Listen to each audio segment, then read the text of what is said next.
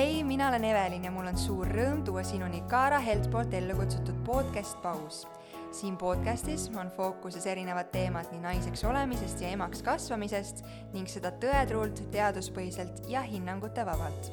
täna arutleme Anu Pillaviga nii lapseootuse, sünnituse kui ka rasedusjärgse perioodi teemadel joogaõpetaja ja peatse ämmaemandana jagab Anu oma mõtteid ja soovitusi sellest, miks ja kellele on mõeldud rasedusaegne, aga ka sünnitusjärgne jooga. head kuulamist!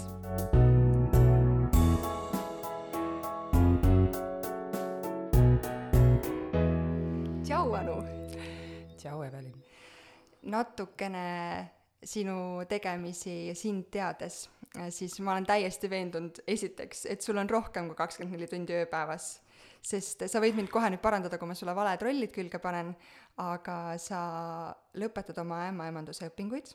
just. sa oled abiämmaemand. just. sa oled joogaõpetaja. jah. sa oled ema. jah. ja sa treenid triatloniks jah, aga see viimane on nagu väga sihuke so-so, et ma täna hommikul käisin just jooksmas ja mõtlesin, et ma ei jõua mitte kunagi sinna aga sa sellegipoolest äh, pingutad selle nimel, et võib-olla kunagi jõuda? jaa, võib, no ütleme, pigem ma pingutan selle nimel, et ma saaksin äh, kaua elada terves kehas. et äh, ja see on võib-olla see noh, terve keha ja terve vaim, eks. et see ei ole ainult, et ma füüsiliselt oleks tugev, vaid ma tunnen, et äh, kuna ma teen neid kõiki asju, mis ma teen, siis mul on vaja ka seda mentaalset nagu taastumise kohta. ja kuna ma olen väga noh, hüp-, hüperaktiivne või selline, kaldun ühele poole, teisele poole, siis ma leidsin, et see sobib mulle hästi, et ma teen erinevaid spordialasid, sest noh, triatlon koosneb kolmest alast, lisaks sellele ma teen ise joogat ja ma käin jõutrennis, et, äh, et just jõuda nagu sinna, et, et olla nagu mitmekülgselt toetatud, et kõigepealt ma toetan ennast ja siis ma toetan teisi kõige selle muuga, mis ma teen aga ikkagi tundub seda väga palju, mida ühe kahekümne nelja tunni sisse mahutada, kuidas sa nende eri rollide vahel äh, mm. täna prioriteete sead? no esimene on laps, aga õnneks selles mõttes meil on vedanud, et mul on vanemad hästi lähedal ja mul on vennad, mul on kaks venda, kes üks on noorem ja kes on, teine on vanem, kellel on mitu last ja mul on abikaasa on väga toetav ja ja on alati olemas, et, et me saame jagada nii-öelda seda lapse kasvatamist natuke, eriti, eriti just siis, kui ma läksin kooli, et kui ma läksin kooli, siis Karl oli kaheaastane. Ja, ja seda küsiti mul ka sisseastumisel, et, et noh, et olles nagu noor ema, et kuidas sa kavatsed hakkama saada, ja siis ma juba olin nii palju teinud selleks ette ära, et me olimegi harjutanud äh, nagu nii-öelda seda, või mitte isegi harjutanud, see tuli meil loomulikult, et me oleme nagu, meil on nagu väike oma kommuun ja me toetame, et kui kellelgi on raske, siis olgu see siis kas koera hoidmine või noh, ma ei tea, et näiteks, et mul vend on haige ja ta ei saa nagu, ma ei tea, vanemate koera hoida, et siis meie võtame või kui mul vennanaine läks teist last sünnitama, et öösel toodi laps, mhm. esimene laps meie juurde et äh, see on ülioluline ja tänu sellele mul on selline suur toetav perekond, väga toetav mees, tänu sellele ma saan teha neid asju. aga see tähendab seda, et iga hetk, mis ma lapsega olen, pean ma olema nagu kohal mm. ja vahest on see võib-olla kõige raskem, sest äh, eks ma olen ikkagi oma krokodillipisarad nutnud sellepärast, et ma ei saa võib-olla nii palju kohal olla või või kas või sellised hetkel, kus laps on haige ja ma pean minema kooli, sest äh, noh, meie koolisüsteem on selline, et sa pead minema, et jätta laps, meil oli üks intsident selline, kus mina läksin lapsega haiglasse ja siis mees tuli, vahetas mind välja, sest ma pidin minema kooli. ja, ja see oli raske, see nagu mentaalselt on üliraske, sest ikkagi ema on lapse A ja O kui just ei ole see nagu isa, kes on jäänud lapsega koju ja, aga see ema ja lapse side on natuke teistsugune, eriti kui olla nagu nii-öelda stay at home mom, on ju, et mhm. et see on äh, olnud päris keeruline, aga nüüd on Kaarl suurem nüüd on aastad möödas, et äh, ma arvan, et, et sealt see tulebki, et lihtsalt nagu investeerisin emaks olemisse ülipalju, ülipalju energiat äh, kulus sinna ka sellepärast, et Karl on äh, natuke omamoodi ehk siis tal on vaja natuke teistsugust keskkonda või teistsugust lähenemist ja tal on ülipalju energiat, mis sundis mind nagu kasvatama enda emasse energia, emasse. aga ma ei olnud varem selline, ma ei olnud varem selline inimene, kes oleks teinud nii palju. võib-olla ma ei teinud õigeid asju, võib-olla on ka see. et äh, ja see on aastatega tulnud lihtsalt see, et ma olen, mul on see visioon, kus ma tahan olla ja mida ma tahan teha ja siis ma olen sinna lihtsalt juurde lisanud. kas see turvavõrgu või kommuuni loomine enda ümber, et oleks neid, kes aitaksid ükskõik, kas see on koera hoidmise või lapse hoidmise või lihtsalt sellise õla pakkumisega, kui on vahel pisaraid vaja valada, kas see oli juba olemas ja mõttes, et sul on seda vaja siis, kui sa Karli ootasid või see on miski, mis on kujunenud nüüd äh, kõikide nende ülesannete ja rollide käigus? ma arvan, et äh, see oli midagi, mida ma arvasin, et mul ei ole vaja. et see ei olnud ole-, no tähendab, meil perekond ikka oli olemas, aga ma arvan, et kui tulid äh, lapsed, siis meie see suur perekond nagu tuli rohkem kokku. et äh, ja siis ma hakkasin nagu sellest rohkem aru saama just nagu rasedusega ja kui ma jäin lapsega koju, et äh, kui oluline on tegelikult see, et sul on olemas enda ümber inimesi, kellel on kogemus kas see on siis minu enda ema, kellele helistada, et aa, lapsel on palavik või helistada, et ma ei suuda enam või nagu ma olen ka läbi nagu talvel läbi mingi lörtsitormi lihtsalt kodus olnud niimoodi, et ma enam ei suuda, ma panin lapsele õueriided selga ja kõndisin ema juurde, sest ma mõtlesin, et ma nagu, ma lähen lihtsalt hulluks. ja et sul on see ole-, et sul on olemas need inimesed, kelle juurde sa saad minna ja samamoodi, kui mul vanemaid ei olnud, et, et sõbranna juurde minna ja öelda, et ma ei suuda praegu, et ma tõesti ei suuda, et et kas sa saad palun nagu võtta korraks lapse või, või siis lihtsalt lähed ja nutad oma pisarad ära ja, ja siis hakkab kergem. et see, see on midagi, mida ma ei arvanud, et mul läheb vaja, aga kui ma jäin noh, rasedaks, okei okay,, sünnitasin, siis ma sain aru, et okei okay,, et, et see tegelikult noh, sellepärast öeldaksegi, et lapsi kasvatab küla mm.. et see on väga oluline. mul on tunne, et ma tahan öelda, et Eesti naised, ma lihtsalt ei tea, kuidas mujal on, aga naised tahavad äh, ähm, hullult rabeleda ja öelda, et ma olen see tugev, ise saan hakkama kõigega, et mul ei ole vaja abi ähm,. kaasa arvatud ma ise. kas sa näed, et see on probleem? mm,? ma arvan, et me võib-olla seame endale väga kõrged ootused, et äh, see prob-, mitte probleem ei ole see, et me tahame teha, me peamegi tahtma, või noh, see on nagu äge, kui me tahame teha mm, -hmm. vaata, et me tahame ka, meil on ka ideid, nägemusi, mida ellu viia, aga mida, mida me võib-olla ei luba endale, on see, et me ei luba endale nõrkust, et me justkui mõtleme, et me peame hakkama saama, me peame sünnitusest hästi taastuma või ma pean sünnitama vaginaalselt normaalselt või noh, nii-öelda füsioloogiliselt ja ja ilma epiduraalita ja noh, et et me seame väga palju ootusi endale ja kui me nüüd ei suuda sellele ootusele vastata, siis me pettume endas esmal, esmalt on ju, noh, on kõik teatud inimesi, kes pettuvad teistes, et kõik teised on süüdi, aga, aga ma arvan, et see, see on lihtsalt enda nii-öelda läbikukkumiseks ettevalmistamine sest elu ju ei ole selline, et me saame öelda, et nüüd ma kindlalt teen seda, nüüd mul läheb sünnitus läheb nii, mu laps on selline ja, ja siis mu sünnitusjärgsel perioodil laps magab ja mina teen tööd. Et mina nägin oma elu sellisena või nagu ma olin täiesti kindel, et mul sünnib laps, mul olid oma nagu sellised ideaalid välja mõeldud või et kuidas asjad võiksid minna ja selline oma mm, unistus nii-öelda. ja see ei läinud üldse nii ja mul ikka võttis väga kaua aega sellest tu- nagu leinata tegelikult seda, et äh, et, et mul ei tulnud selline aeg ja see on, see on mingil määral nagu lein ja lahtilaskmine. Ja seda tuleb endale lubada, ma arvan.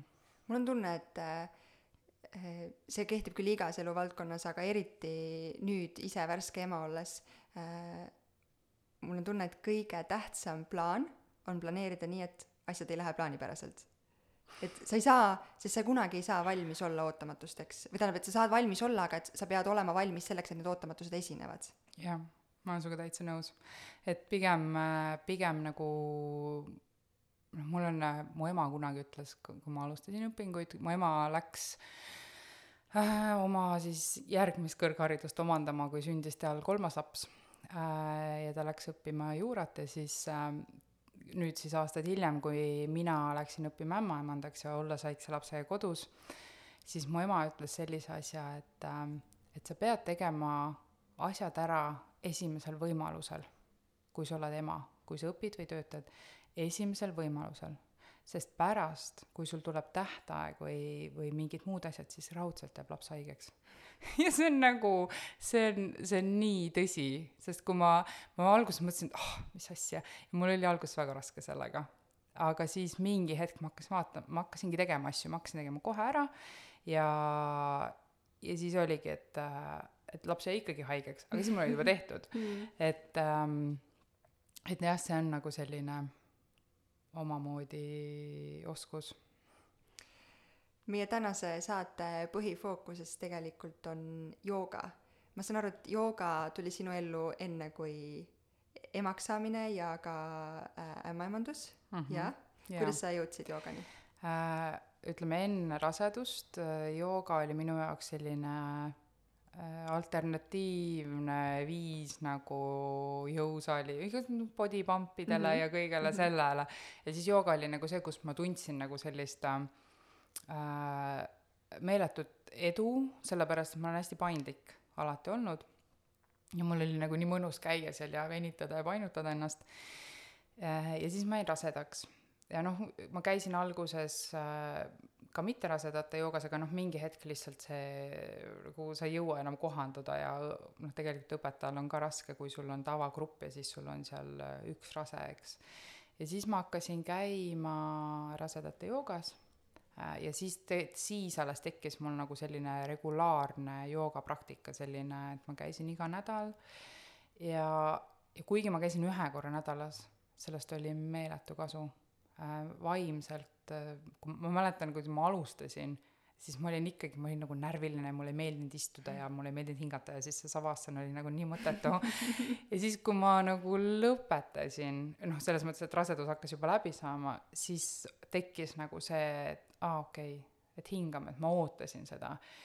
Ja peale seda mingitel momentidel ma, mu elus hakkas noh, et oligi, et näiteks sünnitus, see oli, see rasedate jooga andis mulle oluliselt rohkem kui ükski teine loeng, kus ma käisin äh,. ja ka pärast seda, et kui olid rasked momendid, see hingamine tuli nagu nii automaatselt, et et ja siis ma hakkasin seda otsima välja, et kui ma sünnitasin ära, taastusin, ma hakkasin ähm, käima uuesti joogas, kui ma tundsin kogu aeg, et mm, see on nagu vähe, et ma tahan rohkem, ma tahan rohkem teada, nii-öelda hüperfookus tekkis.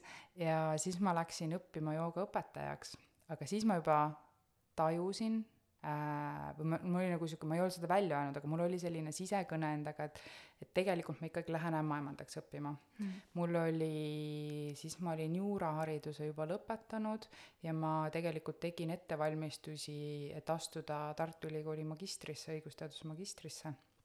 Ja ma töötasin kohtutäituri büroos äh, vanemtehnilise assistendina. midagi, mida ma ei teadnud, väga põnev. Jaa, ja, ja siis kuna kohtutäituri büroo on, ähm, büroo töö siis on väga selline noh, tegelikult see on positiivne töö selles mõttes, aga ei tundu, see tundub väga hirmus kuhugi, kuhu kunagi ei tahaks ise sattuda. Aga, aga see suhtleme siis, kuna meil on võlgnikud, on ju, nad ei ole meie kliendid äh, ja see on väga sihuke inimesest nagu kaugel suhtlemine mm., siis äh, ma nagu tahtsin äh, joogaõpetajaks, üks põhjus, miks ma tahtsin õppida joogaõpetajaks, oli, et enda praktikat arendada, et mul on alati nagu nende füüsiliste tegevustega see fookus, et see on midagi, mis võiks toetada mind elu lõpuni, on ju. ja selleks, et see saaks toetada mind elu lõpuni, ma tahan olla nagu iseseisev selles, et ma tean, mida ma teen ja et ma oskan kohandada seda enda vajaduste järgi. ja, ja siis see teine aspekt oli seal, et ma ise mõtlesin tollel hetkel veel, et äh, ma lõpetan oma, ma teen oma magistri ära ja siis ma lähen ämmakaks. ja kui ma nii-öelda oma sünnituskogemuse pealt ma tundsin, hakkas see ämmaemanda jutt rohkem nagu sellest tulema ja siis ma tundsin, et okei okay,, et aga ma saan midagi teha, et ma lähen õpin joogaõpetajaks, miks? et ma õpiksin inimesi juhendama ja et ma õpiksin inimesi positiivselt katsuma see võib olla naljakas, aga meie töös, minu töös, ma puudutan väga palju inimesi füüsiliselt nagu ja, ja mul ei ole, mul ei olnud varem nagu, see ei olnud mulle omane, mulle nagu ei meeldinud, kui inimesed mind katsusid või nagu võõraid inimesi, ma ammugi ei läinud katsuma, on ju. ehk siis, et õppida ära see mm, side või nagu see, mm, kuidas ma siis katsun klienti et kui mul on sünnitaja näiteks või ma olen sünnitus, noh, mis iganes, ämmaemandana raseduskeskuses ka, me kogu aeg katsume rasedaid, et see puudutus oleks toetav ja positiivne. ja see oli ka nagu see teine põhjus siis. Sa mainisid korra, et äh, sinu enda sünnituskogemus andis sulle äh, jaa. soovi edasi ka seal no see ämmaemandaks õppimise soov oli mul tegelikult varem mm. -hmm. Äh, kui ma lõpetasin gümnaasiumi, siis ma juba käisin katsetel, aga mul läks kirjand väga halvasti. aastaid tagasi, see oli väga ammu. aga ma ei ole kunagi olnud väga hea nagu kirjutaja äh, juristid peavad ka lepinguid kirjutama ei, seda küll, aga mina oma töös näiteks, me ei pidanud nagu selles mõttes nagu okay. lepinguid kirjutama või niimoodi, pealegi seadus annab sulle nagu põhjad ette. põhjad ette põhimõtteliselt. aga noh, selline loominguline kirjutaja ma mm -hmm. ei mhm. ole kunagi väga olnud ja mul läks kirjand halvasti ja mulle öeldi juba katsetel öeldi, et, et et nii kahju, et, et me võtaksin, me võtaks kohe vastu, aga kuna su kirjand läks halvasti, tasulist kohta ei olnud, vaata, et meditsiinis ei ole tasulist õpet, siis ma jäin nagu joone alla. ja kuna mu vanemad on juristid, siis see õigus nagu oli sihuke, et noh, et ma lähen korraks ühe aasta, et vähemalt, et ma nagu õpin midagi, et ei lähe nagu see õppimine meelest ära, on ju. ja siis ma jäin sinna kinni ja kui ma ise sünnitasin, siis äh, mm, ma võib-olla ootasin, mu ootused olid ka võib-olla väga kõrged, aga, aga ma tundsin sünnit-, peale seda sünnitust ma tundsin, et sellist nagu ähm, et kui saab, nagu alati saab paremini, on ju, aga et ma tundsin, et mina suudaksin pakkuda mitte kõigile ja see ei olegi see eesmärk, aga ma tahaksin pakkuda naistele paremat kogemust, kui oli minul. et äh, minu sünnituskogemus ei olnud nagu äh, see ei olnud midagi drastilist, see on tegelikult väga tavaline meie nagu süsteemis, et äh, mul oli, mul oli muidugi naljakas oli see, et ma arvan, et kõik asjad elus juhtuvad nagu põhjusega, kui me oleme piisavalt pingutame, et seda põhjust näha või oleme mingi hetk valmis seda põhjust nägema, on ju. et äh, mul oli sünnituseks võetud eraämmaemand kes on üli nagu hea ämmaemand ja, ja nagu väga soovitan.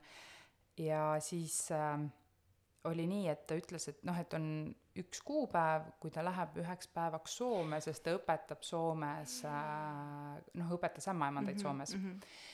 ja siis äh, see oli see üks päev kui ma käisin haiglas kontrollis ja arst vaatas, et oi-oi, et lootevett on vähe, see hirmutamine tegelikult oli juba nagu tükk aega nagu, et et oi-oi, et lootevett on vähe ja ei, no ma ei tea, et ikkagi, et tuleb hakata esile kutsuma, siis ma olin mingi, et aga kõik on hästi, et siis nagu ei ole vaja nagu, nii nõustus mina ema ka. nojah, et ikkagi noh, et ikka sihuke natuke nagu sihuke hirmujutt, et oi, mis siis saab ja tal on nagu liiga vähe vett ja liiga halb ja ja siis, et äh, okei okay,, et teeme KTG, et noh, kui sa oled juba nelikümmend pluss, on ju, nelikümmend üks pluss, et siis sa teed kogu aeg neid KTG-sid mm. -hmm. ja ja siis ma läksin äh, naistearsti juures, läksin KTG-sse. KTG-d teha ei saanud, sest laps oli väga rahutu, nagu üldse ei püsinud KTG all nii-öelda, et äh, ütleme siis südametoonid olid äh, kõrged ja, ja KTG oli jät-, nagu hästi katkendlik, et seda ei saanud mm -hmm. nagu hästi tõlgendada, et selle põhjal, noh, praegu oma haridusega ma ütlen, et noh, et see ongi nagu, ei ole sellist asja nagu kahtlane, aga ütleme, see on nagu, me ei saa seda hinnata.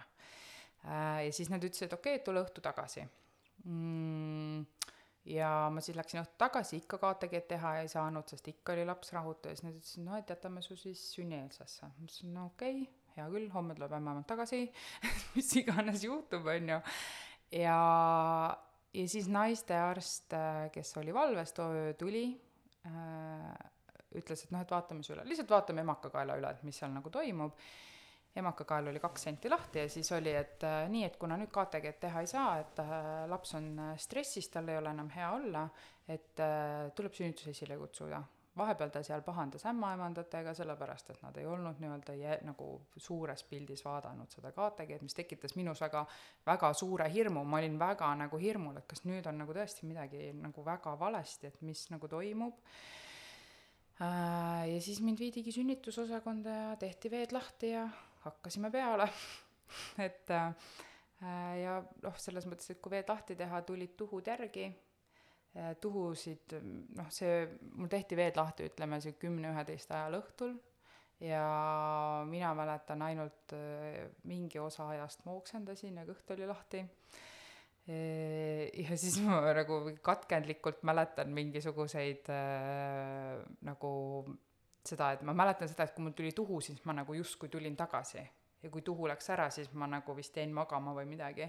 mu mees oskab seda väga hästi kirjeldada, sest tema jaoks on see siiamaani, ta ütles selle kohta, et see on nagu õudustöö ja, ja mis ma siis nagu tundsin või mis ma nagu pärast tundsin ühesõnaga, ma räägin selle jutu lõpuni, siis ma saan nagu öelda, mis ma tundsin, et äh, ja öösel nagu väga mingit nõustamist mina ei mäleta, aga ma mäletan seda, et ma saatsin kogu aeg meest kedagi kutsuma nagu, et ma ei saanud aru, miks ma oksendan, kuigi ma olin käinud sünnituse ettevalmistavas loengus, on ju, kõhulahtisus, no fine, sellest ma sain aru, aga just nagu see oksendamine ja selline nagu, ma ei osanud kuidagi ennast aidata. ja ma ei mäletanud, et keegi oleks mulle öeldud, et see on okei okay,, et sa oksendad. Ja, ja siis hommiku kella viie ajal siis äh, sadas mul tuba arste ja ämmaemandaid täis, äh, KTG oli, ei olnud enam nagu hea ja siis äh, arst vaatas mind, ütles, et noh, et sa oled kahelt sentimeetrilt läinud kolmele. ehk siis noh, kella ütleme kümme-üksteist tehti veed lahti, sealt oli siis kaks, kuni hommiku kella viieks oli nagu sent juurde tulnud mis on see nagu see sünnitaja nagu õudusõna nagu, siis ma mõtlesin, minge metsa, ma lähen koju ära minge metsa, see ei ole okei okay.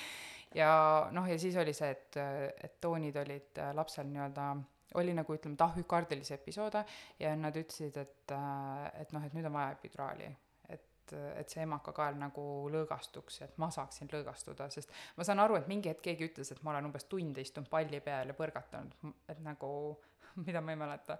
mina mäletan, ma istusin palli peal ja siis järgmine hetk olid nagu arstid palatis et äh, ja see on nagu jooga, on ju. See on jo-, mis jooga tegi. ja sain epiduraali, magasin paar tundi ja siis äh,, ja siis juba oli mingisugune päev kella kaheteistkümneks oli täis lahti ja kella kahe aeg ma siis sünnitasin ma mäletan veel seda, et kui ma sain viimase doosi epiduraali, siis ma ütlesin mehele, noh, nüüd enam nii vabalt liikuda ei saa, aga ma ütlesin mehele, et äh, ma sündisin äh, kesklinnas, on ju, et ütlesin mehele, et mine too Sõõriku kohvikust mulle neid äh, mingeid rännumehe võileivad või midagi, et mul on pärast kõht nii tühi. Et äh, sündis ilus terve poiss aga noh, aga alguses ma ei pannud üldse neid tundeid nagu kokku või mina läksin haiglast koju siukse tundega, et ma olen nagu, ma olen nagu Wonder Woman või, või et nagu see on, see on nagu nii äge, et naised seda teevad, et äh, okei okay,, et mul oli ka seal abi nagu epiduraalist ja aga mina ei tundnud isiklikult, et mul oleks seda vaja olnud, ma tundsin, et mul on vaja tuge mul on, ma tundsin, et mul on vaja kedagi, kes seletab mulle, miks on KTG selline või, või miks ma oksendan või mis asendit võtta või nagu toonud mind nii-öelda tagasi maa peale, võib-olla normaliseerinud rohkem nagu sünnitusprotsessi. et äh, ja, ja noh, sealt edasi, et lapsel on nagu ATH ja täpsustamata pervasiivse arenguhäire sündroom ja eks äh, see tuli nagu väga varakult need ATH jooned tulid väga varakult välja, et ta ei püsinud pudeliski paigal, mis tingis selle, et ma pidin olema väga aktiivne. aga see tekitas minus nagu küsimusi, et kas see, kas see sünnitus oli see põhjus äh, või siis minu varasem nagu stress ja hirmud ja see ongi see, mis emad palju, mis me emadena teeme, et me keerame selle nagu enda sisse ja enda vastu või noh, mitte vastu, aga me keerame selle enda sisse, et et nagu mina justkui olen selles süüdi, kuigi tegelikult on asju, enamasti ei ole keegi selles süüdi, nad lihtsalt nagu juhtuvad, on ju.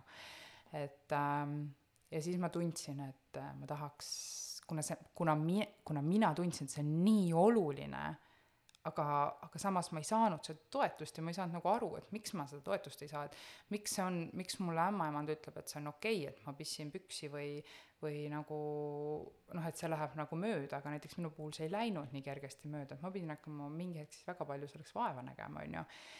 et, ähm, et kus see nagu toetus on ja see lükkas mind siis ämmaemandusse äh, noh, lisaks siis rasedate jooga sinna juurde, on ju, et, et pakkuda naistele seda toetust, et pakkuda nagu eesmärgiga luua võib-olla ka mingit sellist kogukonda, kus on, me saame naistena jagada infot äh,, harida teineteist äh,, et naistel oleks see info olemas või et neil oleks kas või keegi, kellelt nad saavad küsida ähm,. mitte siis võib-olla nagu noh, ma olen nagu süsteemis sees on ju, ma töötan abiema-emandana on ju, aga, aga keegiga, kes ähm,, kellel on see enda kogemus, et saada nagu sellist mitmekülgset toetust siis ma omast kogemusest äh, saan sind taevani kiita ja ma olen tohutult tänulik sulle selle eest, et mul oli võimalus praktiliselt kogu raseduse vältel sinu juures joogas käia ja ma vist, ma arvan, et esimene tund, ma vist olin esimesest, kõige esimesest tunnist, mis sa üldse vist Kaara küll, Healthi äh, juures andsid või ja, koostöös. ja see, ma arvan, et ma olin siis neliteist nädalat umbes äh,, oli mm -hmm. rasedust kuni kolmekümne kaheksanda või üheksanda nädalani välja, mõned pühapäevad mm -hmm. küll läksid kuskile suve nautimisse aga, aga minu, ma tunnen, et äh, rasedusaegsest joogast oli mulle nii tohutult palju abi äh, et see oli, see oli justkui minu ettevalmistus nii sünnituseks kui ka sünnitusjärgseks perioodiks. Ja ma ausalt nagu avalikult ja suurelt ja punaselt ma olen tohutult tänulik sulle selle eest, Anu. Kas sa tunned, et äh, ämmaemandus või ämmaemanda õpingud ja rasedusjooga tundide andmine, et üks ei saaks toimida ilma teiseta või, või et need on nagu omavahel hästi tugevalt seotud? ma arvan küll.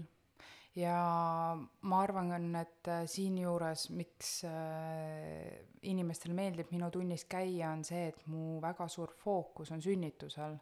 selles mõttes, et äh, ja ausalt sünnitusest et me räägime asjadest nii, nagu on, me räägime ka kohati sellest, et miks asjad lähevad võib-olla nagu teistmoodi või nagu ja kuidas siis ennast valmis panna selleks, kui asjad ei lähe, kui sünnitus ei lähe ootuspäraselt, mis on ülioluline, sest sünnitus on suuresti selline asi, mida me ei saa ju ette planeerida.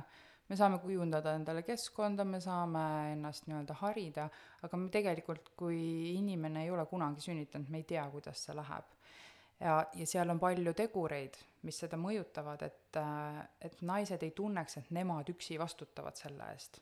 et noh, et äkki ma oleks ikka pidanud tegema midagi veel, et oleks nagu ma, et oleks, ma ei tea, et ei oleks tulnud keisrit või et ma oleks saanud nagu sünnitada vaginaalselt või või et äh, ma ei tea, et noh, et sünnitus oleks olnud kiirem või, või kuni selleni, et um, tol ajal, kui mina olin rase, siis oli see epiduraali teema oli väga nagu tee-, nagu asi, et peaasi, et ilma epiduraalita sünnitada.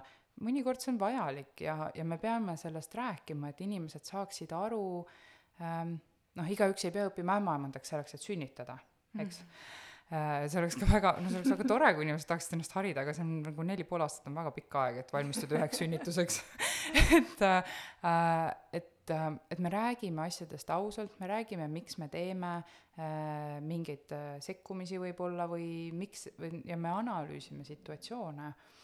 et ähm, ma arvan, et kui, kui mõelda rasedusaegset joogat, mis tihtipeale käib koos nagu vestlusringiga äh,, siis see, siis on väga oluline valida, kuhu sa lähed.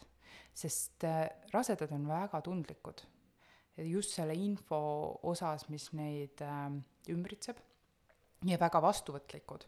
et kui me nüüd, äh, miks näiteks mina soovitan rasedatele öelda inimestele, kes soovivad jagada nagu noh, mitte koledaid sünnituslugusid, aga võib-olla selliseid hirmsaid sünnituslugusid, et öelda neile, et nad ütleksid inimestele stopp, sest tegelikult see kasvatab nende sees hirmu. et pärast, kui sünn-, laps on sünnitatud, võib igasugustest asjadest rääkida, aga aga raseduse ajal naised on ülitundlikud ja me peame hoidma nende jaoks seda ruumi ja see ruum, mina leian, et peaks olema aus, et me ei saa öelda, et sünnitus ei ole valus, kui sünnitus on valus, et äh, see on jälle niisugune vale ootuse nagu loomine. tõesti on väike protsent, üliväike protsent naisi, kes ei tunne sünnituse ajal nagu valu. ja kuna naiste, naise hormoonid, emadus, kõik see, et see sünnitusvalu läheb meelest ära.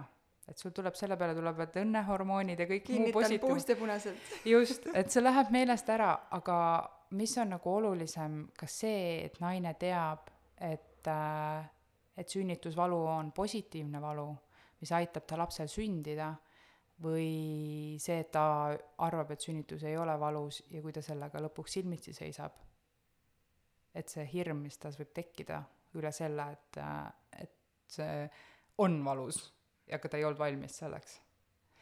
sellepärast ma arvan, et see on oluline valida, kuhu sa lähed rasedate joogasse ja ja ka noh, minu, minu puhul on võib-olla selline väike nišš, et ma ise tundsin või tunnen, et jooga mm,, rasedate jooga on võib-olla liiga kerge et see, ma, ma näen nagu seda, et äh, meil on nii palju võimsaid naisi, kes pingutavad äh, igal pool, nii ütleme, pereelus kui äh, tööl ja, ja harivad ennast ja teevad igasuguseid ägedaid asju ja nad on harjunud trenni tegema käima jõusaalis jooksmas ja siis justkui jõuab kätte rasu, rasedus, nad hakkavad otsima, kuhu, mis on nagu rasedatele suunatud äh, trenn, trennid või liikumisvõimalused ja siis nad jõuavad rasedate joogasse.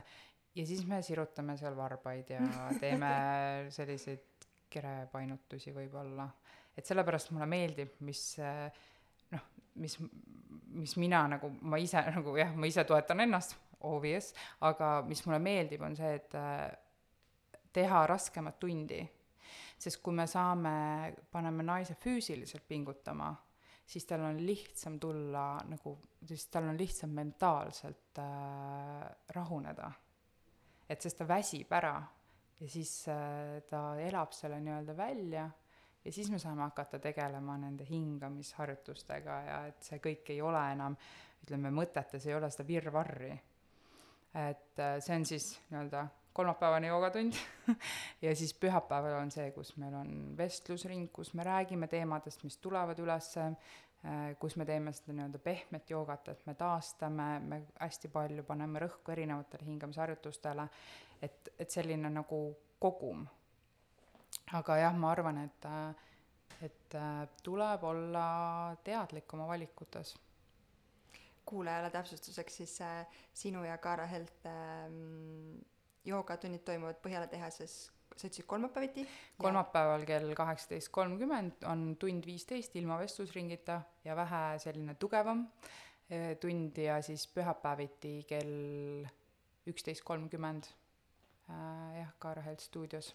tead, ma, ma segan täiega vahele siia, aga ma kujutan ette, et kui ma oleksin tulnud äh, rasedate joogasse ja keegi oleks mulle mingi vestlusring toimunud nagu enne, kui siis see, sest see hak-, see kujunes välja nende tundide käigus, kui ma juba käisin yeah,. Yeah. ja kui keegi oleks mulle enne, siis ma oleks ilmselt kulmu kergitanud ja silmi pööritanud, mul küll mingit vestlusringi vaja ei ole, aga ähm, seda ei tasu alahinnata, sest äh, esiteks see kogukond või kommuun, mis tekib nendest naistest, kes iga nädal koos käivad äh,, rasedus- või sünnitusjärgselt on sul palju vahvaid äh, kaaslasi, kellega oma kogemusi ja mõtteid jagada, sest tuleb välja, et kõikidel on järsku samad mured ja, ja. kui neid ei jagata, siis tundub, et sa oled tohutult hirmus ja, üksi nende ja. muredega. aga ka see, et, et sul on iga nädal midagi oodata ja minu meelest rasedus ja sünnitus ja emadus on tihti selline väga üksik periood kus, sest need on justkui väga isiklikud ja privaatsed teemad, mida nagu väga palju avalikult ei jaga või ka näiteks nende sõprade või tuttavatega, kes ei ole ise äh, seda eluetappi kogenud või läbi mm -hmm, teinud, siis mm, -hmm. siis noh, sa ei räägi ka nendele, kuidas täpselt, mis, kuidas sul on ja kuidas äh, sul sünnituskogemus oli ja nii edasi. et siis see äh, kogukond naisi, mis rasedusjoogast jääb sinuga, on maru vahva jaa, ja vaata, seal on ka see, et, äh, et ma arvan, et noh, sul on ta-, väga õigus, et sa ei lähe nagu rääkima niisama inimesega, et noh, et et kui sa mõtled, mis teemasid me nagu käsitleme, et äh, huh, neid teemasid on nii palju, aga noh, näiteks kas või see, et äh, kui sul on äh, tunnis, on koos inimene, kes kohe läheb sünnitama, ütleme inimene, kes on kol-, umbes kolmkümmend nädalat rase ja siis on rasedad, kes on seal kahekümnenda kandis, nädala kan-, rasedusnädala kandis siis, et äh, et kui palju neil on nagu õppida. Ja mis on äh, huvitav, on see, et äh, et meil äh, nüüd pühapäeviti on ka natuke välja kujunenud niimoodi, et me käime siin äh, karjases aias ka söömas äh, saia ja pärast joome kohvi, et siis on noh, kas või näiteks see, et eelmise tunni lõpus siis me rääkisime nii palju, me rääkisime asjadest, mida haiglasse kaasa võtta ja umbes, et noh, et näiteks silver spray, hõbedasprei, mida kõik teavad, on ju, praegu on megadefitsiit kaup, sest tarneraskused on. kuule, et äh, tead, et mul küsi oma sõbranna käest, et äkki sul mõne sõbranna, kes on sünnitanud, et äkki tal on üle, et seda ei kulu nii palju ja et mis kuidas seda ei kulu palju, mul läks terve pudel ja mul ei puudugi no vot nagu kuidas kellelgi on ju mõnel just. jääb üle et äh, et ja seda tarkust tegelikult noh mina ämmaemandana ju ka kõike ei tea ja ma ei jõuagi kõigega olla kursis. Ja tegelikult keegi meist ei jõua. Et meil on ikkagi oma nagu spetsialiseerumine. Ja see ja mina olen inimene kes ma väga vabalt ütlen inimestele tead et ma ei tea täna aga ma või ma uurin. Või siis äh, näiteks äkki on keegi, kes on tunnis, kes on juba kogenud vaata seda, et kuule, mul oli, et mul aitas see, näiteks nagu sinu puhul oli, vaata, sul olid kõrvetised ja siis lõpuks yeah. oli lehmapiim, mis nagu aitas jah. kõrvetiste vastu, on ju. et ähm, noh, see ja see ongi see, tegelikult äh, see ongi see külaefekt. et me toetame kõik teineteist.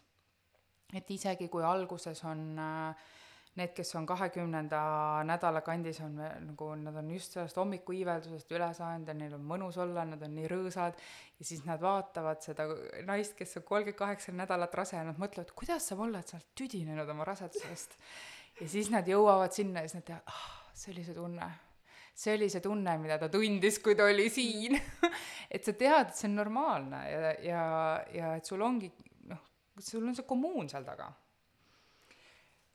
ilmselt ei tule kellegi jaoks üllatusena, et äh, meie kehad on loodud liikuma ja liikumine on äärmiselt oluline, aga miks on äh, rasedusaegne liikumine, enda liigutamine oluline?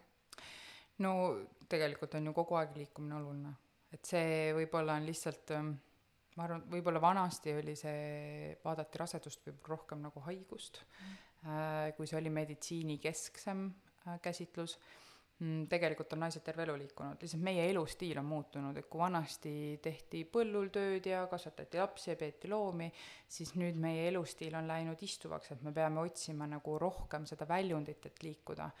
kui me nüüd võtame raseduse, et ähm, noh, raseduse ajal on nagu põhimõtteliselt sa võiksid jätkata samade asjadega, sa lihtsalt väga palju pead jälgima oma keha. Äh, mis küll on, on see, et väga palju ei ole infot selle kohta, et näiteks jõutreeningud rasedatel on väga teretulnud, aga kui palju on nagu inimesi, kes tegelikult treenivad rasedaid? Äh, või siis kust nad saavad selle info, et mida nad teha võivad või mida nad peaksid jälgima? Ja sellepärast on see näiteks just rasedate jooga, kui sa käid inimese juures, kes teab, mida ta teeb ja tal on laiem silmaring, miks see on oluline, sest seal on see koht, kus sa saad küsida. Ja see on see koht, kus äh, sa saad nagu tunnetada, et äh, noh, näiteks, et mina oma tundides ma hästi palju panen rõhku süvalihastele ja, ja nii-öelda kogu selle, sellele lihaskonnale, mis siis toetab meid igapäevases liikumises. kuna rasedus tähendab, noh, rasedus tähendab seda, et naisel äh, emakas kasvab äh,, mis tähendab seda, et raskuskese muutub ja see emakas ja laps seal kõhuõõnes hakkab siis tõmbama seda naise raskuskeset ette-alla. juba see annab äh, nagu füüsilised muutused, ehk siis tekib äh, alaselja nõgusus süveneb äh,, relaksiin, rasedushormoon, mida hakkab kehasse paiskama seal kuskil kümnenda, kaheteist, neljateistkümnenda rasedusnädala juures äh,, lõõgastab sidemeid äh, ja lihaseid, et, et nii-öelda keha sa-, saaks sünnitada, et vaagen avaneks piisavalt, et laps saaks sündida. ja, ja lisaks siis see, et meie raskuskese muutub, tasakaal muutub äh,, mis tähendab seda, et kukkumisoht tõuseb. ja kõik sellised asjad on äh, see noh, et see on normaalne, aga selleks, et ennast toetada, et, et tegelikult meie keha oleks võimeline tulema toime selle rasedusaegset, nende rasedusaegsete muutustega ja ka pärast olema nii-öelda terve naine terves kehas, et äh, selleks ongi oluline raseduse ajal trenni teha.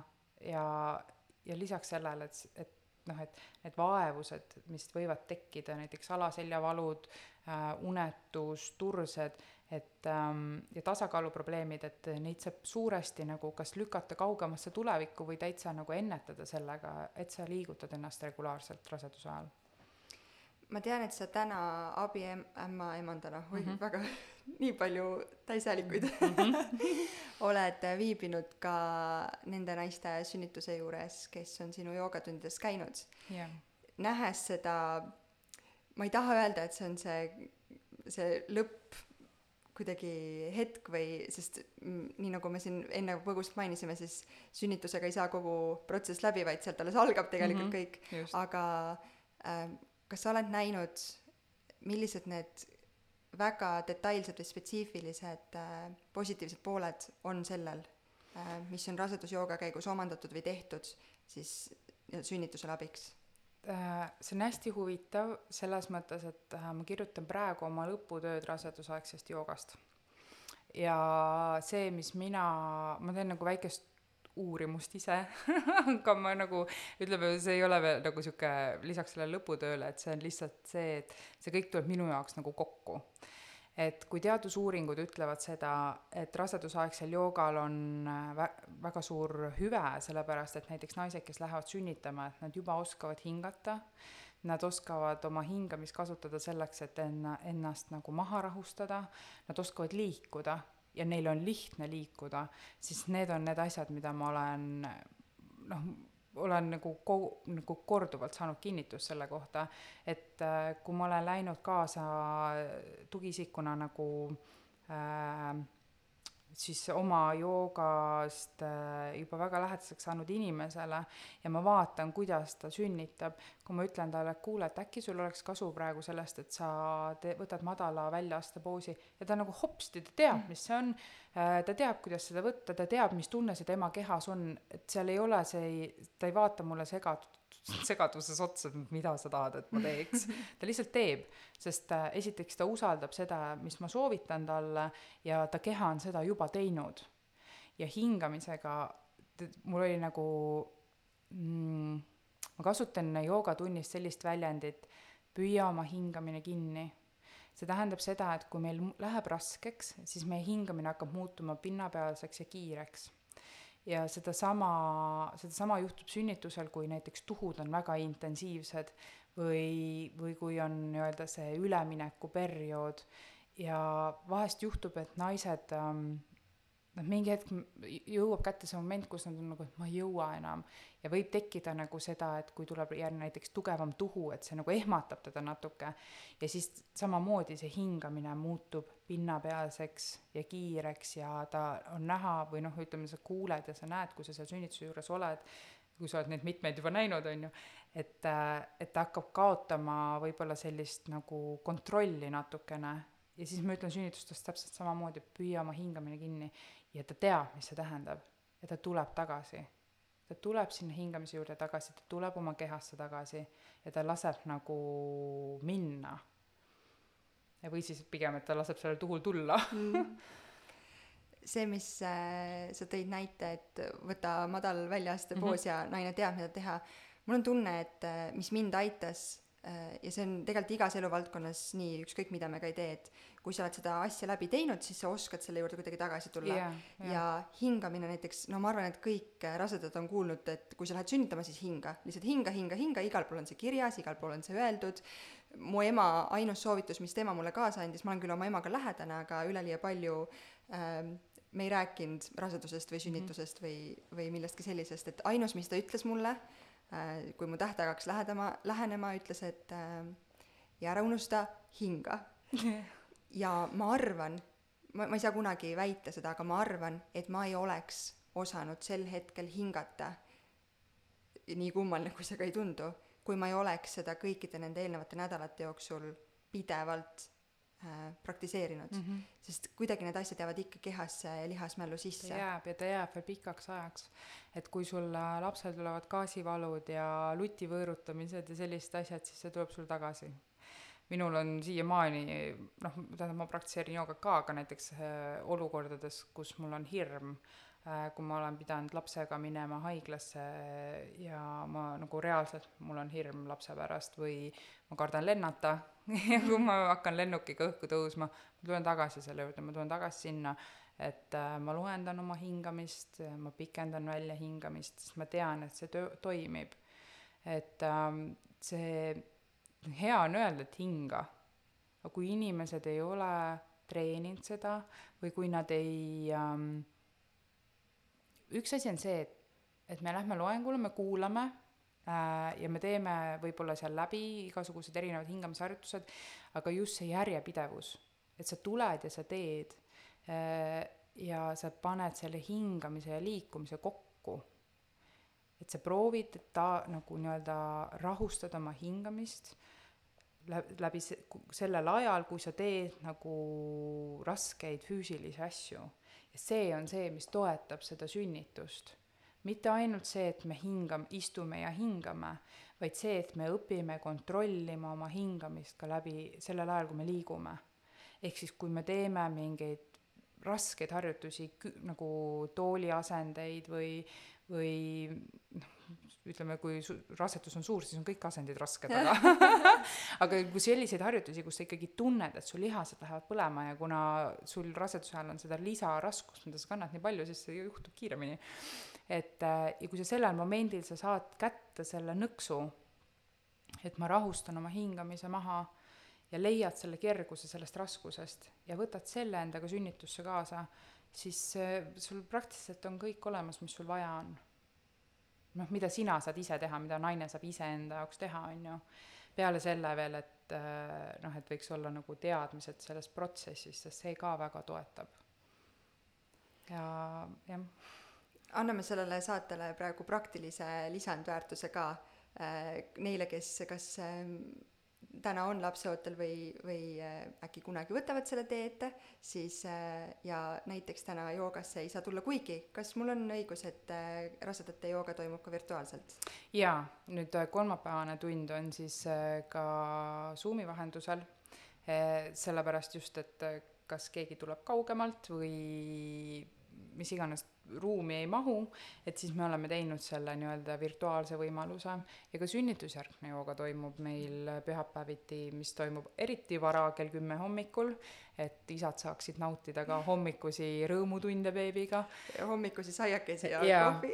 ja seda ka, seda ka ja et see toimub ka nagu Zoomi vahendusel just sellepärast, et ähm, et noh, et alati ei saa lapse juurest ära tulla äh,, mis iganes halvasti magatud öö aga et võtta see moment, et ikkagi oleks võimalus äh,, oleks võimalus praktiseerida nii, aga anname selle praktilise lisandväärtuse, kuidas siis on õige hingata ja kuigi sa ütlesid, et hingamine ja keha käivad kõik koos ja liikumine, aga kas sa mõtled, et kuidas on õige hingata sünnituse ajal? jah, jah, mõtlen seda, aga see, sellepärast, et tegelikult seesama tehnika äh, mis ma arvan, et sa kohe ütled, ega ma ei mm. tea, aga on ka see, mis, kui lapsel on gaasivalud või sa peate korraks panema voodi peale ja ise minema lihtsalt nurga taha ja hingama korraks mm -hmm. sisse-välja mm, -hmm. et siis tulla rahulikumana ja tasakaalukamana tagasi. ma arvan, et kõige lihtsam, mida teha enda jaoks, kui inimene mõtleb, et okei okay,, et ma siis hakkan nagu hingama on äh, see, et äh, leida endale vaikne koht,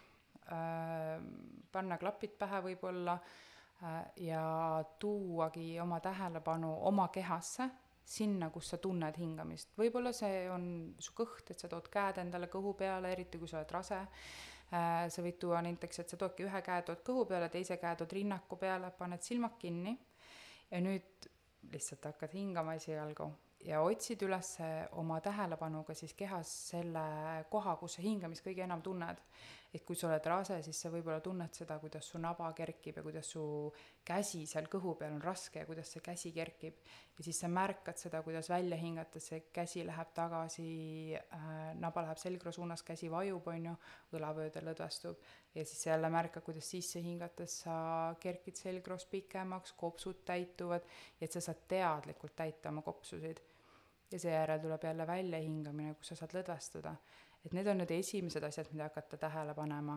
Ja sealt edasi minna on hingamise ühtlustamine, et hakkad oma mõttes lugema, et ma hingan neljaga sisse ja neljaga välja, enda tempos, nii et sul on mugav, et sa ei pea pingutama, et see tuleb sul nagu mm, kergusega. ja kui sa oled selle saanud endale selgeks, siis järgmine samm on see, et sa hingad neljaga sisse ja pikendad väljahingamist ja just see pikendatud väljahingamine on see, mis rahustab närvisüsteemi. sest äh, kui me mõtleme sellele, et kui me oleme ärevad, meil on hirm, me hakkame kiiresti pinnapealselt hingama ja selle vastand siis on see, et me teadlikult rahustame oma närvisüsteemi läbi selle, et me rahustame oma hingamise. Et äh, kolm punkti siis oli seal, jah? kas äh, on oluline silmas pidada ka, kas sa hingad läbi nina sisse, läbi suu välja või kuidas? see oleneb, kuidas inimene harjunud on, et et äh, ütleme, hea on ka harjutada raseduse ajal seda või siis, kui sa oled nagu väga pinges, et sa hingad nina kaudu neljaga sisse ja läbi suu kuuega välja, aga vahest, mis juhtub, on see, et inimesed, kes ei ole harjunud oma hingamist äh, maha rahustama nii-öelda või aeglustama, siis nad hingavad kiiresti välja et see suu kaudu välja hingamine on ka natuke nagu tehnika, mida harjutada, et kuidas aeglaselt suu kaudu välja hingata. Äh, ja see väga oleneb, et siin, siin ei ole nagu ühte õiget, see on katsetamine natuke, sest me teeme ka vaata joogas, me teeme erinevaid hingamisharjutusi selleks, et igaüks võib-olla leiaks selle, mis teda nagu toetab. aga just see tähelepanu toomine hingamile, hingamisele, mm, neljaga sisse, neljaga välja ja sealt edasi siis äh, pikendada välja hingamist, et näiteks, et hingad neljaga sisse, kuuega välja Äh, need on sellised baashingamisharjutused, mida võiks iga inimene harjutada. ja seda kehatunnetust, et mis tunne sul on, kui sa hingad sisse. kõigepealt siis märkame, et kas, kas me üldse, kui sügavalt me üldse sisse hingame. et kas, kui me hingame sisse, kas me teadlikult nagu nii-öelda lubame oma roietel laieneda ja kas me lubame oma kõhul kerkida või noh, väga palju tänapäeva naised näiteks ju ei luba üldse kõhul liikuda mm, -hmm. et nad hingavad ainult rinnakusse, eks. et ja see juba, kui me hingame ainult rinnakuga, tähendab seda, et me tegelikult ei kasuta nagu kogu kopsu mahtu ära, sest äh, diafragma ei liigu allapoole, mis tähendab, et me hingamegi ainult nagu rinnaku ülemise osaga pinnapealselt ma arvan, see on hea teema, millega kummutada ka tänase saate müüt, meil on igas saates üks müüt, mida me kummutame. ja, ja jooga ümber. Paraku ikka veel, äh, ma tunnen ka kasvõi oma tutvusringkonna äh, ka suheldes või arvatakse, et jooga on ikka tohutu mingite hipide ja vaimsete inimeste värk, et äh, noh, niisama tavaline normaalne inimene ikka seda joogat ei tee ja sinna ei lähe mul on tunne, et see on, miks see on hea teema, sest hingame me kõik, ükskõik kas siis vähe hipim või mitte nii hipi mm, -hmm. aga on, on jooga hippide värk või on see kõigile? ma arvan, et äh, pigem ma ütleks, et jooga on intelligentsete inimeste asi mm..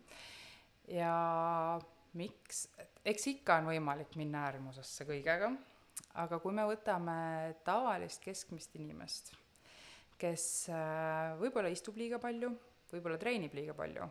Äh, noh, rääkimata hingamisest, on ju, et kuidas me üldse stressiga tuleme toime ja kui palju me tegeleme nii-öelda meditatiivsete praktikatega, mis tegelikult äh, aitavad ju närvisüsteemi rahustada, siis äh, jooga on selline kuldne kesktee. et kes otsib sealt tugevust, saab seda leida kes otsib sealt just tasakaaluks näiteks istuvale eluviisile või või treeningutele, et me saaksime taas nagu taastada selle lihase elastsuse, või siis näiteks noh, selles mõttes, et jooga alati sisaldab endast või noh, võiks sisaldada, ega ma ei tea, mida kõik inimesed teevad, kes joogaõpetajad on, on ju, aga ma tahaks loota, vähemalt minu tunnid sisaldavad alati seda hingamispraktikat ja meditatiivset komponenti, et me tegeleme kehaga ja seejärel me tegeleme vaimuga ja tegelikult samal ajal, kui me tegeleme kehaga, siis me juba tegeleme vaimuga, aga see on see asi, mida ma tavaliselt ei ütle.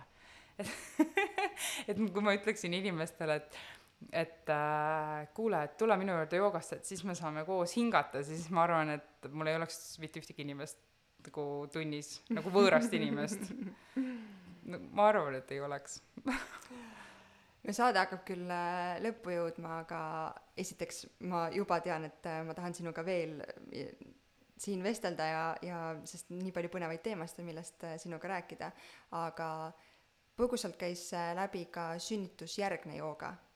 miks see oluline on äh,? või sünni... kellele see üldse on?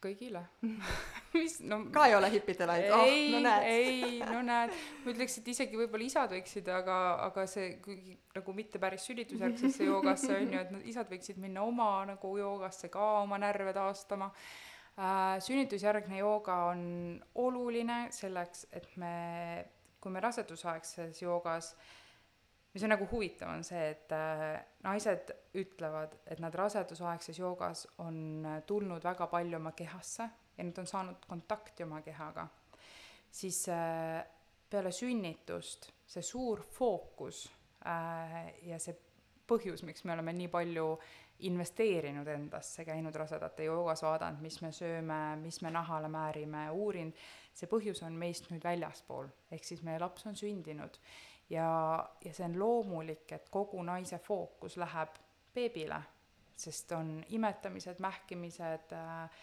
kõik, kõik, kõik kokku magamatus. aga mis tihtipeale juhtub, on see, et äh, kui see fookus läheb beebile, siis fookust jääb või nagu seda keskendumist jääb endale nagu vähemaks ja keha, sünnitusjärgse naise keha on muutunud, mis on täiesti loomulik, kõikide naiste keha muutub peale sünnitust, ükskõik milline sünnitus see ei ole, peale rasedust, sa noh, ütleme põhiline see põhjus ongi rasedus, on ju, sünnitus on lihtsalt nagu kirss tordil. et äh,, et naise keha muutub ja sünnitusjärgne jooga annab võimaluse hakata nüüd vaikselt äh, uuesti looma kontakti selle uue kehaga, hakata taas lihaseid nii-öelda toetama oma lihaseid, et, äh, et nad tõ-, tuleksid tagasi, toonus tuleks tagasi, et äh, keha ei, keha ei muutu või keha ei lähe samasse kohta tagasi, kus ta oli enne rasedust, enne sünnitust, aga ta ei peagi, sellepärast et see on okei okay,, et keha muutub küll aga lihased on meil ikkagi kehas samad ja lihastel on ikkagi sama funktsioon, et äh, tuua nad tagasi, et nad toetaksid meid jälle, et me saaksime toetada oma perekonda. Et see naise roll on ikkagi, kui naine toetab ennast, siis tal on jõudu, et toetada teisi. nii oma last kui meest kui kes iganes ta ümber on. et see paneb nagu vundamendi ma tulen korra tagasi rasedusaegse jooga juurde, millal sellega peaks alustama üldse? Äh, mina soovitan alustada rasedusaegse joogaga kuueteistkümnendast rasedusnädalast, sest äh, enne seda, noh, see on nii-öelda noh, see tähendab, see on jälle Evelin oli liiga vara kuskil kohal. No see on selles mõttes, et see oleneb ka vaata palju sellest, et äh, tavaliselt esimestel kuudel on iiveldust, lisaks on see mm, pesastumise periood, Äh, ja, ja siis on ka selliseid ähm, ütleme, kui see emakas hakkab nüüd seal kasvama, äh, on nii-öelda alakõhuvalusid, võib-olla ka kergelt määrimist, et, et lasta kehal kohaneda sellega ja siis tulla ja siis hakata nii-öelda äh, vaikselt äh, harjuma selle uue eluga ja uute teemadega, et ähm, noh, ja mis tihti juhtub, vaata naised on ka tulnud joogasse, ütlevad, et ma esimesed kolm kuud ma olin nii halb olla, ma ei teinud mitte midagi, on ju. ja siis nad nagu ei oska kusagilt alustada, siis rasedusaegne jooga on ülihea koht, kus alustada. ja siis sa saad vaikselt nagu nii-öelda, saad jälle kontakti kehaga, tunned oma võimekust, mõtled, et võib-olla sa tahad, ma väga soovitan ka kõndimist sinna juurde, et äh, ja võib ka rattaga sõita, kui sa oled nii osav, et sa maha ei kuku.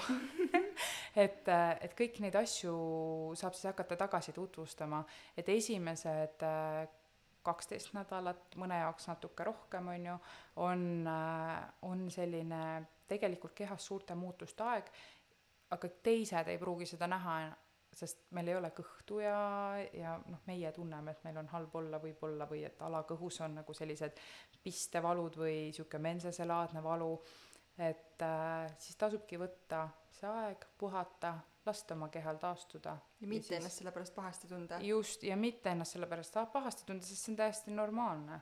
ja me noh, nagu ma enne ütlesin ka, et igal naisel on see kogemus erinev ja kui naine ei ole kunagi rase olnud, ta ei ole kunagi sünnitanud, ega me siis ei tea ju, kuidas see läheb mm. -hmm. et see ei ole ähm,, see kogemus iga inimese jaoks ongi erinev ja see, et me näeme küll, et noh, et et mingil protsendil naistel esineb sellist asja, mingil protsendil naistel esineb teist asja, või näiteks alaseljavalud, et kõikidel rasedatel ei ole alaseljavalu, aga päris suurel protsendil on. aga kui sul ei ole, siis see on ka okei okay. ja kui sul on, siis see on ka okei okay. et natuke võib-olla ämmaemand peab sellist normaliseerimistööd tegema, et see ampluaa on päris lai, aga enamasti see on nagu väga normaalne normaalsed muutused naise kehas. Nii, aga sünnitusjärgne jooga, millal äh, ja kas sellega alustada? Äh, sünnitusjärgse joogaga võiks alustada mitte varem kui siis, kui on möödas see mm, ämmaemanda või naistearsti visiit. Mm, keisrite puhul ütleme, natuke on see individuaalsem äh, ja kui sul on olnud keiser ja, ja sa ei tea, mis teha, siis võib alati meile kirjutada, anname nõu, mõtleme koos. Äh, ja noh, ütleme sünnitusjärgse jooga puhul on see, et Mm, millest me räägime jälle rasedusaegses joogas hästi palju, on see, et on mingeid asju, mida me saame teha ära enne, kui me lähme sünnitusjärgsesse joogasse. et me juba õpime, kuidas jälle oma vaagnapõhja aktiveerida ja kuidas oma süvalihased tööle panna ja siis lihtsalt äh, sünnitusjärgses joogas me hakkame sinna, ütleme, hakkame laduma uut vundamenti ja hakkame sinna vundamendi peale siis äh, ütleme, loodetavasti siis ehitama ähm, nii-öelda seda maja või keha, mis peaks meid siis hoidma läbi järgmiste raseduste, äh, läbi menopausi, et, et naine saaks elada tervelt elu lõpuni, ilma, ilma suuremate probleemideta kui tänasest saatest võtta kaasa mingid kolm kõige olulisemat mõtet või soovitust uh., siis mis sa arvad, mis need peaksid olema uh.? Need võivad olla ka midagi muud, mis võib-olla ei saanud nii palju tähelepanu saates mm,. aga kui okay. sa nüüd täna ükskõik siis kas äh, rasedale või äh, värskele emale või miks mitte tulevikus äh, last planeerivale lapsele. just mm, -hmm. kolm mõtet tänasest mm. -hmm okei okay. mm,. päris keeruline. mul on nii palju mõtteid, mis ma tahaks jagada. aga jaga, palun uh,. ma arvan, et okei okay. mm,, emadus või siis nagu äh, ei tasu endale li seada liiga suuri ootuseid mm,. ei tasu oma lapsele seada liiga suuri ootuseid, sündimata lapsele veel rääkimata. et ähm, emadus on see aeg, mis minu kõige suurem kogemus oli see, et ma pidin õppima kulgema ilma planeerimata. sest iga kord, kui ma tegin plaani, siis mu lapsel oli teine plaan. ehk siis tuleb õppida kulgema ja andestada endale tolmurullid toanurgas, andestada endale need tilgad püksis ja teada, et tegelikult äh, sa ei ole üksi sellega nüüd rasedus, mul on see kategoriseeritud. Äh, raseduse puhul mm, leia endale kommuun äh, selles mõttes, et äh, kas siis näiteks rasedate jooga on väga hea võimalus selleks. rasedate joogat saab ka, näiteks meie juures on võimalik ka niimoodi tulla rasedate joogatundi, et äh, nii-öelda privaattundi võtta, et kui sul on sõbrannad, tulge kõik koos, et teil on oma kommuun, et te saate midagi koos teha, et kui enne rasedust oli, võib-olla käisid sõbrannaga klubides ja, ja tegid muid asju, siis nüüd tulete koos rasedate joogasse. et ähm,, et leida endale selline koht, kus sa saad jagada in-, jagada turvalises keskkonnas, et sul on keegi, kelle käest küsida ähm, just nagu see, et noh, me käi-, rasedad käivad ämmaemanda juures päris palju, aga nagu mulle kliendid on tagasisidestanud, et et kui sa oled seal ämmaemanda kabinetis, siis sul ei ole ühtegi küsimust. kõik küsimused tulevad pärast kui sa oled sealt juba lahkunud ja järgmiseks korraks nad ei ole enam meeles. ehk siis äh, leida endale kommuun, mis toetab sind äh,, kus saad jagada, olla teistele toeks, et see annab väga palju juurde. ja võib-olla kolmas on äh, on naiseks olemisest ja, ja sellest äh, töötamisest, et äh, me peame olema enda vastu sama lahked ja sama hoolivad, kui me oleme enda lähedaste ja laste vastu. et ähm, see, et me tahame võib-olla teha palju ja saavutada palju, see on väga okei okay., see on väga okei okay.. aga erinevatel eluetappidel me peame vaatama reaalselt seda, et mis meil on võimalik teha. Ja kui meil ei ole võimalik teha, kuigi me oleme planeerinud, et me teeme, siis olema, siis ma kutsun naisi üles olema enda vastu lahke ja jääma koju selle haige lapsega, sest see on, neid, neid aegu me ei saa tagasi. Ja mitte ka lihtsalt haige lapsega, vaid mitte ka lihtsalt haige lapsega, vaid lihtsalt lihtsalt lapsega lapsega. jaa, et ja pakkuma lapsele seda lähedust ja, ja noh, me oma lapsega pärast käisime ähm, sellisel nagu lastevanemate koolitusel äh,, kus öeldi, kus oli üks väga lihtne nagu mõt- või nagu tarkusetera just nagu töötavatele lastevanematele, et investeeri iga päev viisteist, kakskümmend minutit enda lapsega olemisse selliselt, et sul ei ole ühtegi telekat, telefoni, arvutit, mitte midagi. et sa mängid temaga tema valitud mänge ja, ja oled nagu sada protsenti tähelepanuga kohal. ja kui sa teed seda iga päev, siis tegelikult äh, see loob lapsele sellise turvalise keskkonna, kus ta saab kasvada ise, et tal ei ole nagu seda nii-öelda emo-, tal ei ole nagu emo-, ta ei ole emotsionaalselt tühi. et sa kogu aeg täidad tema tassi ja see annab talle võimaluse nii-öelda minna maailma avastama, et ta ei noh, et ta saaks ikkagi nagu ka enda nagu maailma siis äh, täiendada ja et ta ei jää nii-öelda otsima ainult seda lapsevanema mm, nagu kiindumust siis või et lapsevanem investeeriks aega temasse. Anu, ma olen sulle nii tänulik nii tänase saate kui ka selle hoole ja hoitud ruumi ja nende teadmiste eest, mis sa mulle andsid äh, nii rasedusjoogas kaasa kui ka nüüd äh, sünnitusjärgses, kuhu ma igas põne-, iga pühapäev suure põnevusega tulla äh, kavatsen. kas on äh, midagi, mis sul tänasest saatest veel kripeldama jäi või midagi, mis äh, sa mõtlesid, et sa tahad jagada, aga milleni me ei jõudnud? mm,. tead, mulle kohati tundub, et ma räägin nagu seda juttu nii palju, et ma nagu seda kõike rasedate jooga juttu see tundub ainult sulle endale teistel on kõigile see uus alati. vot ja siis ma mõtlen, et aga ma ju juba rääkisin seda, et kuidas see nagu, kuidas äh,, et kuidas me oleme ikka veel siin, aga samas ma saan ka aru, et ähm, et tegelikult see info vist ei jõua inimesteni nii palju, et me nagu mõtleme, et meil on alati nagu aega, et meil, meil on nagu alati aega kõikideks asjadeks. Aga ma kutsun naisi ülesse. Mm, alustama rasedate jooga, rasedat, rasedusaegse joogaga seal kuusteist, kakskümmend nädalat, sest see annab võimaluse äh, kohaneda, see annab võimaluse kehal kohaneda, harjuda, see toetab raseduse protsessi ja raseduse kulgu kas või emotsionaalselt, et äh, rääkimata siis nagu füüsilisest, aga, aga seal on nagu nii suur hüve, miks ma ka seda kogu aeg käin ja räägin, et äh,, et äh, alustada sellega ja sama nagu ka siis sünnitusjärgselt, et võtta see aeg, et äh, täita oma tassi. sest äh, kui meie tass on tühi, ma olen seda elus nii mitu korda kogenud äh,, just sellepärast, et ma teen väga palju asju, on ju, kui minu tass saab tühjaks, siis ma olen pahur ja ma ei taha teha midagi, kaasa arvatud oma lapsega mängida, kes on mulle nagu kõige kallim, eks. et äh, meil on palju, mis me saame teha selleks, et ennast toetada, aga aeg saab otsa palju kiiremini, kui me arvame.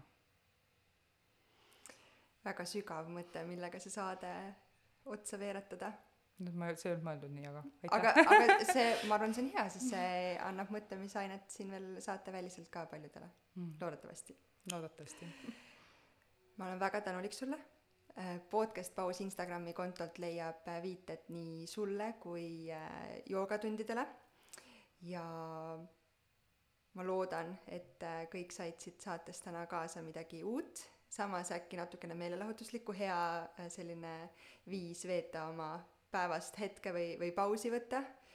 Kuulates- jalutada käruga näiteks ja siis saata kõikidele või sõbrannadele veel ilma käruta. veel ilma käruta või siis saata kõikidele oma sõbrannadele, kes on veel ilma käruta. just, ma arvan, oluline, nii nagu sa ka ise viitasid, on seda infot ja teadlikkust äh, jagada, jah, et see jõuaks võimalikult paljudeni.